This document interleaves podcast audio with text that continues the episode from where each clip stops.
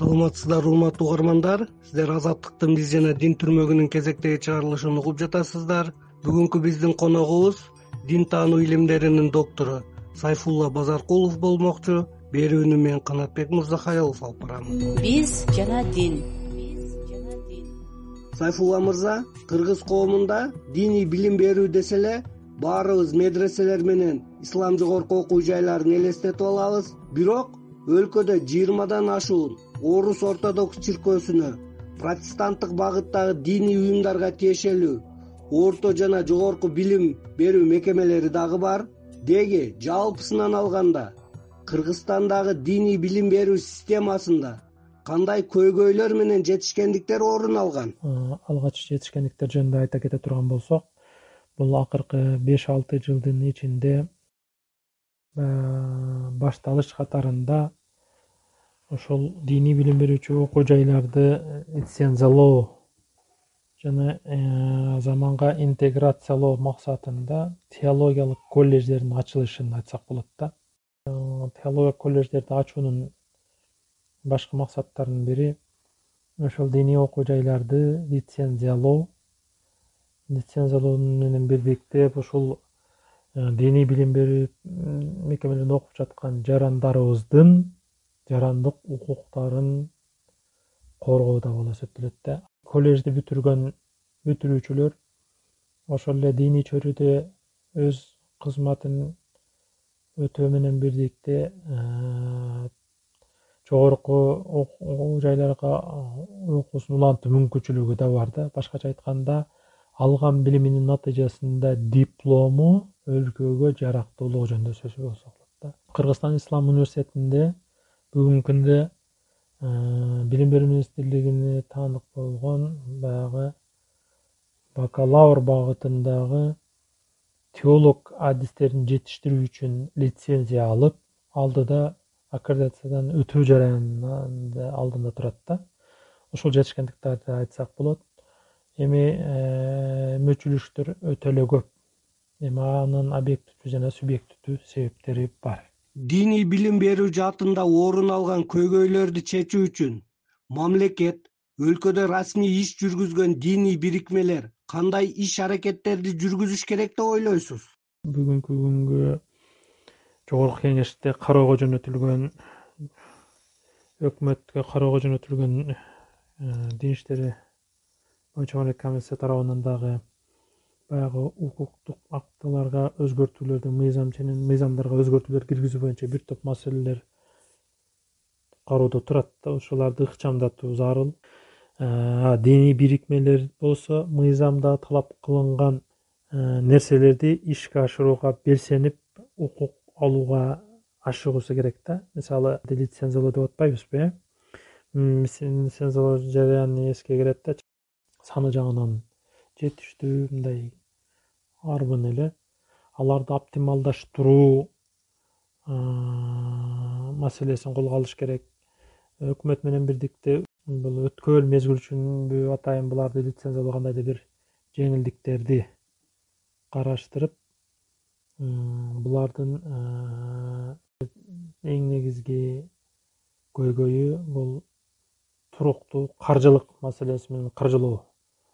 Ошону чечүүгө кандайдыр бир деңгээлде биргелешип чечүүнү колго алса болот да. Эми кыргызстан светтик өлкө болгону менен өлкөбүздүн жарандарынын көпчүлүк пайызы дээрлик пайызы мусулмандар түзүлгөндөн кийин бул кандайдыр бир механизмдерин иштеп чыкса болот деген ойдомун да ошону менен бирдикте дин өкүлдөрү эмне үчүн бат эле ошол мыйзам талап кылган эрежелерди сактап өздөрүнүн мекемелерин окуу мекемелерин ачып алган да. Мисалы светоч деген ош шаарындагы орус православ чиркөөсүнө таандык светоч деген мектепте биринчи класстан он биринчи класска чейин билим берилет аттестат берилет. Жана ошондой эле бул жакта диний сабактар дагы берилгендиги маалым да. Жогоруда айтып кеткендей булар медреселерге лицензияланса алар мамлекеттик үлгүдөгү дипломго ээ болот дагы мамлекеттик эрежелерди сактаган болот да жана алардын келечеги дагы бүдөмүк болбойт. Жана ошондой эле баягы медреселерге карата айтылып кетилген көптөгөн сын пикирлерге ачык айкын жооп таба алмак да биз жана дин. Биз жана дин диний билим менен дүйнөбүй билим берүүнү айкалыштырууда кайсы мамлекеттердин тажрыйбасын бизге адаптация кылуу жеңил болот же өзүбүздүн модельди эле иштеп чыгуубуз зарылбы? Биздин өлкөдөгү диний билим берүүнү жөнгө салууда лицензиялоодо аккредитациялоодо кайсы бир өлкөнүн тажрыйбасы бизге баягы илхам болушу мүмкүн. Бирок биздин коомдун реакциясы ал э, рецептке туура келбей калышы мүмкүн да. Ошондуктан биз өзүбүздүн модельди иштеп чыгуубуз албетте зарыл буну биз бүгүнкү күндө бул демократия бул саясий айдыңда башка экономикалык башка мыйзамдарды дагы муну көрүп жатабыз. Сөзсүз түрдө бул биздин коомчулуктун талабына муктаждыгына ылайык. Биз өзүбүздүн модельди иштеп чыккандыгыбыз оң. Бирок ошол тажрыйбаларды сөзсүз түрдө биз үлгү алып пайдаланып ушу кыргызстандагы ушу медреселерди э, лицензиялоодо кыргызстандагы диний билим берүүнү жолго коюуда өзүбүздүн модельди иштеп чыгышыбыз керек да. Бирок ушул жагынан алып караганыбызда бир нерсени эске алып коюш керек. Бүгүнкү күндө аламдашып алып калганда плюралисттик коомду жаратууда демократиялык коомда биздин өзүбүздүн модельди жаратууга биз өзүбүз белсенип баягы сырткы баягы таасирдүү унификациянын астында калбашыбыз керек да. Биз ошону себеп дегенде бизге баарыбызга маалым өлкөбүздөгү экономикалык саясий социалдык маселелер көбүнчө ушул инвестицияга көз карандуу болгондугу бир чындык. Биздин ошол диний билим берүүнү өзүбүздүн өлкөбүзгө локалдаштырууда жана улуттук модельди иштеп чыгуубуз кажет. Сайфулла мырза өзүңүз байкагандай эле акыркы кезде мектептерге ыйман сабагын киргизүү идеясы кыргыз коомунда кайрадан көтөрүлүп түрдүү талкууга жем таштоодо. Кээ бир талдоочулар бул сабакты окутуу мамлекетте орун алган дүйнөбүй көз карашка каршы келет десе айрымдары өсүп келе жаткан балдардын дүйнө таанымын кеңейтип адеп ахлакка тарбиялоого салым кошот дешүүдө. Бирок эки миң он жетинчи жылдан бери эле өлкөдөгү элүү алты мектепте дүйнөлүк диндердин маданияты предмети пилоттук долбоор катары программага киргизилип сабактар окутулууда. Бул багытта методикалык колдонмолор иштелип чыгып атайын китеп жазылды. Ушул жылдын сентябрь айынан баштап дүйнөлүк диндердин маданиятын окутууну баардык мектептерге киргизүү пландалып жатат. Сиздин пикириңизде аталган эки предметтин ортосунда кандай айырмачылыктар менен окшоштуктар бар? Ыйман сабагынын концепциясы жок болгондуктан бир нерсе айтуу кыйын эки миң экинчи эки миң үчүнчү окуу жылдарында сынак иретинде киргизилип кайра эки миң төртүнчү жылдан баштап милдеттүү түрдө окутулуп келип бүгүнкү күндө баягы биринчи класстан төртүнчү класска чейин гана окутулуп калган адеп сабагы жөнүндө айтсаңыз ал экөөбүздүкү башка себеби ал жерде элдик идеалга шайкеш келген нарк насилди билген жалпы адамзат балыктарын калыптандыруу деп адеп сабагынын максаты ушундай айтылып келген да. Бирок бүгүнкү күндө баарыбызга маалым болгондой баягы дүйнөлүк писа уюмунун көрсөткүчтөрүнүн натыйжасында илгери мектептерге киргизилип кеткен баягы көп сандаган сабактар э, кыскартууга интеграцияга учурап бүгүнкү күндө ошол адеп сабагы биринчи класстан төртүнчү класска чейин класс жетек баштапкыч класстарда гана класс жетекчи катында окутулуп келген да. Булардын айырмачылыктарын окшоштуктарын айтыш үчүн ал ыйман сабагынын же болбошо сиз айтып аткан бүгүнкү баягы ыйман сабагынын окутуу концепциясы стандарты болгондо аны салыштырып айтууга мүмкүнчүлүк болор эле. Биз жана дин.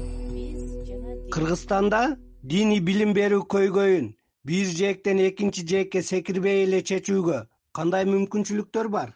Секирүү себептери мен биринчиден э, саясий стабилдүүлүк баардык жакта болгондой эле сөзсүз түрдө саясий стабилдүүлүккө карап диний стабилдүүлүк таасирленет түзүнөт дегендей бүгүнкү күндө өлкөбүздө болуп жаткан баардык жагдайларга тиешелүү болгондой эле диний тармагында дагы э, реформалар башталып эле э, ара жолдо калып жатат. Мунун башкы э, себеби кендирди кескен баягы эле каржылык маселеси буюрса бүгүнкү күндө өлкөбүздөгү саясий өзгөрүүлөрдөн улам жалпы коомчулук чоң үмүт менен күтүп тургандай эле буюрса ошол өлкөбүздө саясий стабилдүүлүк орноп экономикалык стабилдүүлүк өнүгүү өрүш алса коом тирүү организм болгон сыяктуу эле ошол экономика саясат турукташып анан каржылык стабилдүү каржылык маселеси чечилсе биз буюрса бул дин жаатындагы диний билим берүү жаатындагы жана мектептердеги дин сабатын мектептерде келечек муундун дин сабатын жоюуда биз баягы утурумдук саясат менен эмес стабилдүү саясат менен өзүбүздүн локалдуу жана улуттук жана коомдук кызыкчылыкты ишке ашырабыз деген ойдомун. Антпесек бүгүнкү күндө дин өтө мындай сезимталдуу маселе жана бул маселенин акыбети биз легалдуу жана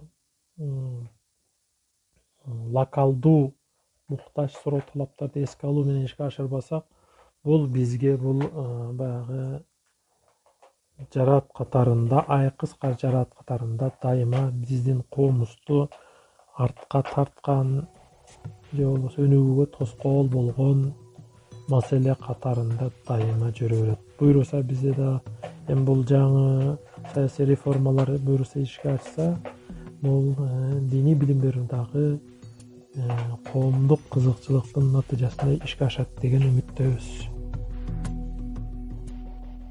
урматтуу угармандар сиздер азаттыктын биз жана дин түрмөгүнүн кезектеги чыгарылышын уктуңуздар. Биздин суроолорго дин таануу илиминин доктору сайфулла базаркулов жооп берди. Берүүнү мен канатбек мырзахалилов алып бардым. Аман туруңуздар